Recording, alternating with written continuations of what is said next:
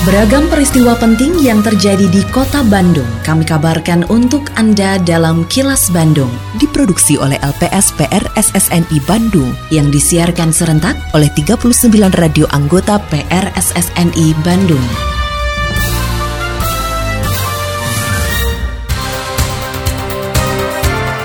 Sejumlah informasi aktual kami hadirkan untuk Anda dan inilah informasi utamanya. DPRD apresiasi diaktifkannya kembali tim Prabu Polrestabes Bandung. Perbaikan jalan di Jawa Barat ditargetkan selesai H-10 Lebaran. Momen Ramadan dan Lebaran dorong pertumbuhan ekonomi nasional. Saya, Santika Sari Sumantri, inilah kilas Bandung selengkapnya.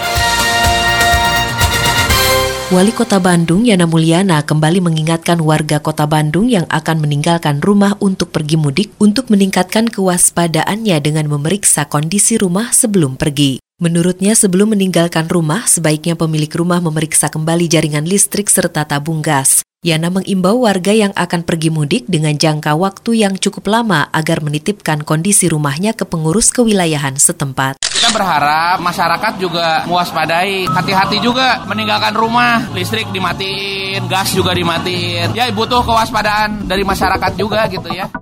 Dinas Perhubungan Kota Bandung akan mulai siaga untuk pengamanan tujuh hari menjelang Lebaran. Kepala Dinas Perhubungan Kota Bandung, Dadang Darmawan, mengatakan akan menurunkan seluruh jajaran ASN maupun non-ASN yang ada. Menurut Dadang, karena jam kerja pengamanan hampir 24 jam, maka akan dilakukan tugas giliran. Untuk pengamanan ini, Dishub akan mengerahkan seluruh personilnya dari berbagai bidang, di antaranya pengendalian operasi, sarana prasarana, dan lalu lintas. Kita kan tadi ada sekitar 600 lebih untuk tenaga PHR.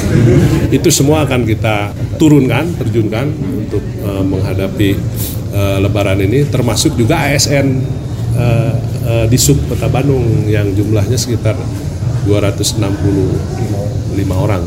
Nah, kita akan coba fungsikan sesuai dengan tugasnya ya. Misalnya yang dari apa bidang lalin dia siap di ATCS. Kemudian yang dari Dalop pengendalian dan operasional kita tempatkan di lapangan.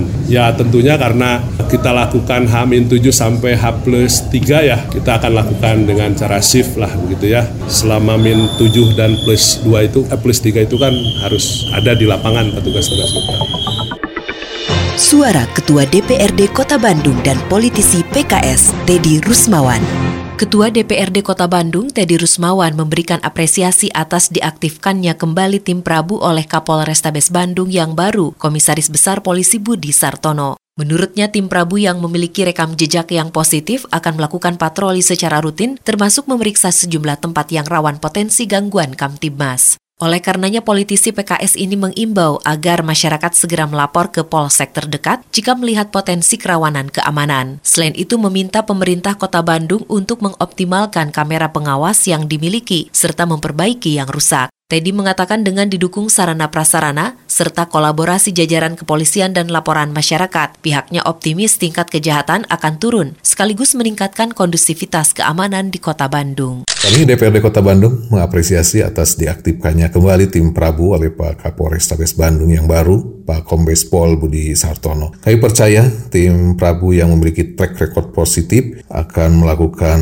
patroli secara rutin termasuk juga akan mengecek tempat-tempat yang rawan potensi akan gangguan Kamtibmas dan kepada masyarakat pun kami menghimbau bila ada uh, melihat potensi kerawanan keamanan agar segera lapor, jangan ragu ke polsek terdekat di wilayahnya masing-masing. Pada pemerintah Kota Bandung juga agar mengoptimalkan CCTV yang dimiliki, kalaupun ada yang rusak segera diperbaiki sehingga dengan sarana prasarana, kemudian juga dengan tim Prabu, tim Polsek Polrestabes Kota Bandung dan laporan masyarakat, kami yakin akan menurunkan tingkat kejahatan dan sekaligus juga akan meningkatkan kondusivitas dan keamanan di kota Bandung.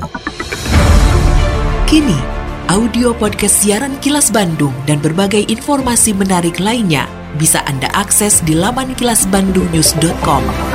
Dinas Bina Marga dan Penataan Ruang Provinsi Jawa Barat sudah melakukan sejumlah perbaikan untuk memperlancar arus mudik lebaran 2023. Kepala Dinas Bina Marga dan Penataan Ruang Jawa Barat Bambang Tirto Yuliono mengatakan pihaknya terus berupaya agar perbaikan jalan dan penutupan lubang bisa selesai pada H-10 Lebaran. Bambang mengatakan secara keseluruhan perbaikan pada 2023 direncanakan sepanjang 354 km jalan provinsi. Dari jumlah tersebut 50 persennya ditargetkan selesai sebelum lebaran mendatang. Paling tidak ya dari 354 km ruas jalan yang akan kita tangani di tahun 2023 ini harus bisa kita selesaikan 50 persen di antaranya minus 10 dan kita terus bekerja keras untuk menangani itu. Kemudian paling tidak ada 114 uh, ruas jalan yang berpotensi digunakan sebagai jalur alternatif untuk lebaran. Dari 297 ruas jalan punya provinsi. 92 juga di antaranya ya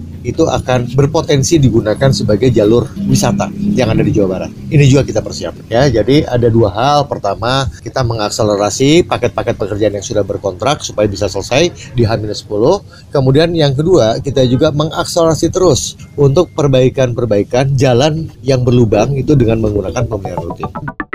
Pemerintah pusat berharap bulan Ramadan dan Lebaran bisa ikut membantu peningkatan pertumbuhan ekonomi di berbagai sektor di tanah air. Hal ini seiring dengan meningkatnya daya beli masyarakat selama momen Lebaran dan Idul Fitri. Meski begitu, Menteri Koordinator Bidang Perekonomian Erlangga Hartarto mengatakan pertumbuhan ekonomi sebagai dampak dari Ramadan dan Idul Fitri akan bermakna jika inflasi bisa dikendalikan. Menurut Erlangga, pada momen Lebaran biasanya perekonomian akan merata hingga ke daerah-daerah karena sebagian masyarakat akan mudik dan menggunakan uangnya untuk berkegiatan di tempat mudik. Menjelang hari raya Lebaran dan di bulan Ramadan ini diperkirakan 120 juta masyarakat kita akan pulang mudik. Nah ini tentu sebuah bagi kegiatan ekonomi ini selalu pertumbuhan ekonomi itu tertinggi selama kuartalnya ada Lebaran. Jadi kita juga ingin memacu bahwa pertumbuhan ekonomi ini bisa kita maksimalkan di bulan Ramadan ini dan tentu pertumbuhan ekonomi akan berarti kalau kita bisa mengendalikan inflasi. Jadi harga-harga bisa terjangkau. Oleh karena itu pemerintah dengan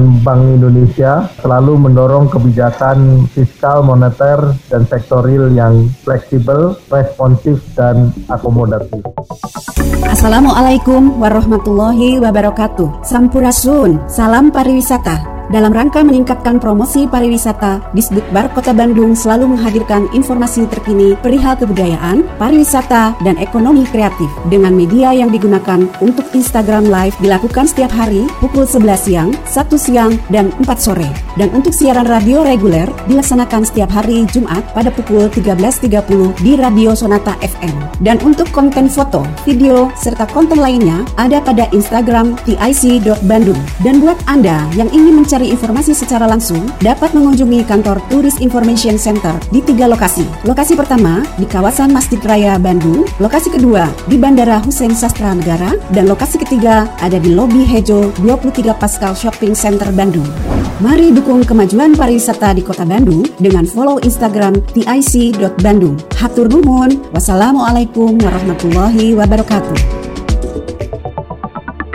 Lindungi diri dari COVID-19 dengan selalu memakai masker saat beraktivitas karena pandemi belum usai. Tetap patuhi protokol kesehatan di masa adaptasi kebiasaan baru untuk mencegah penularan virus corona. Terima kasih Anda telah menyimak kilas Bandung yang diproduksi oleh LPSPR SSNI Bandung.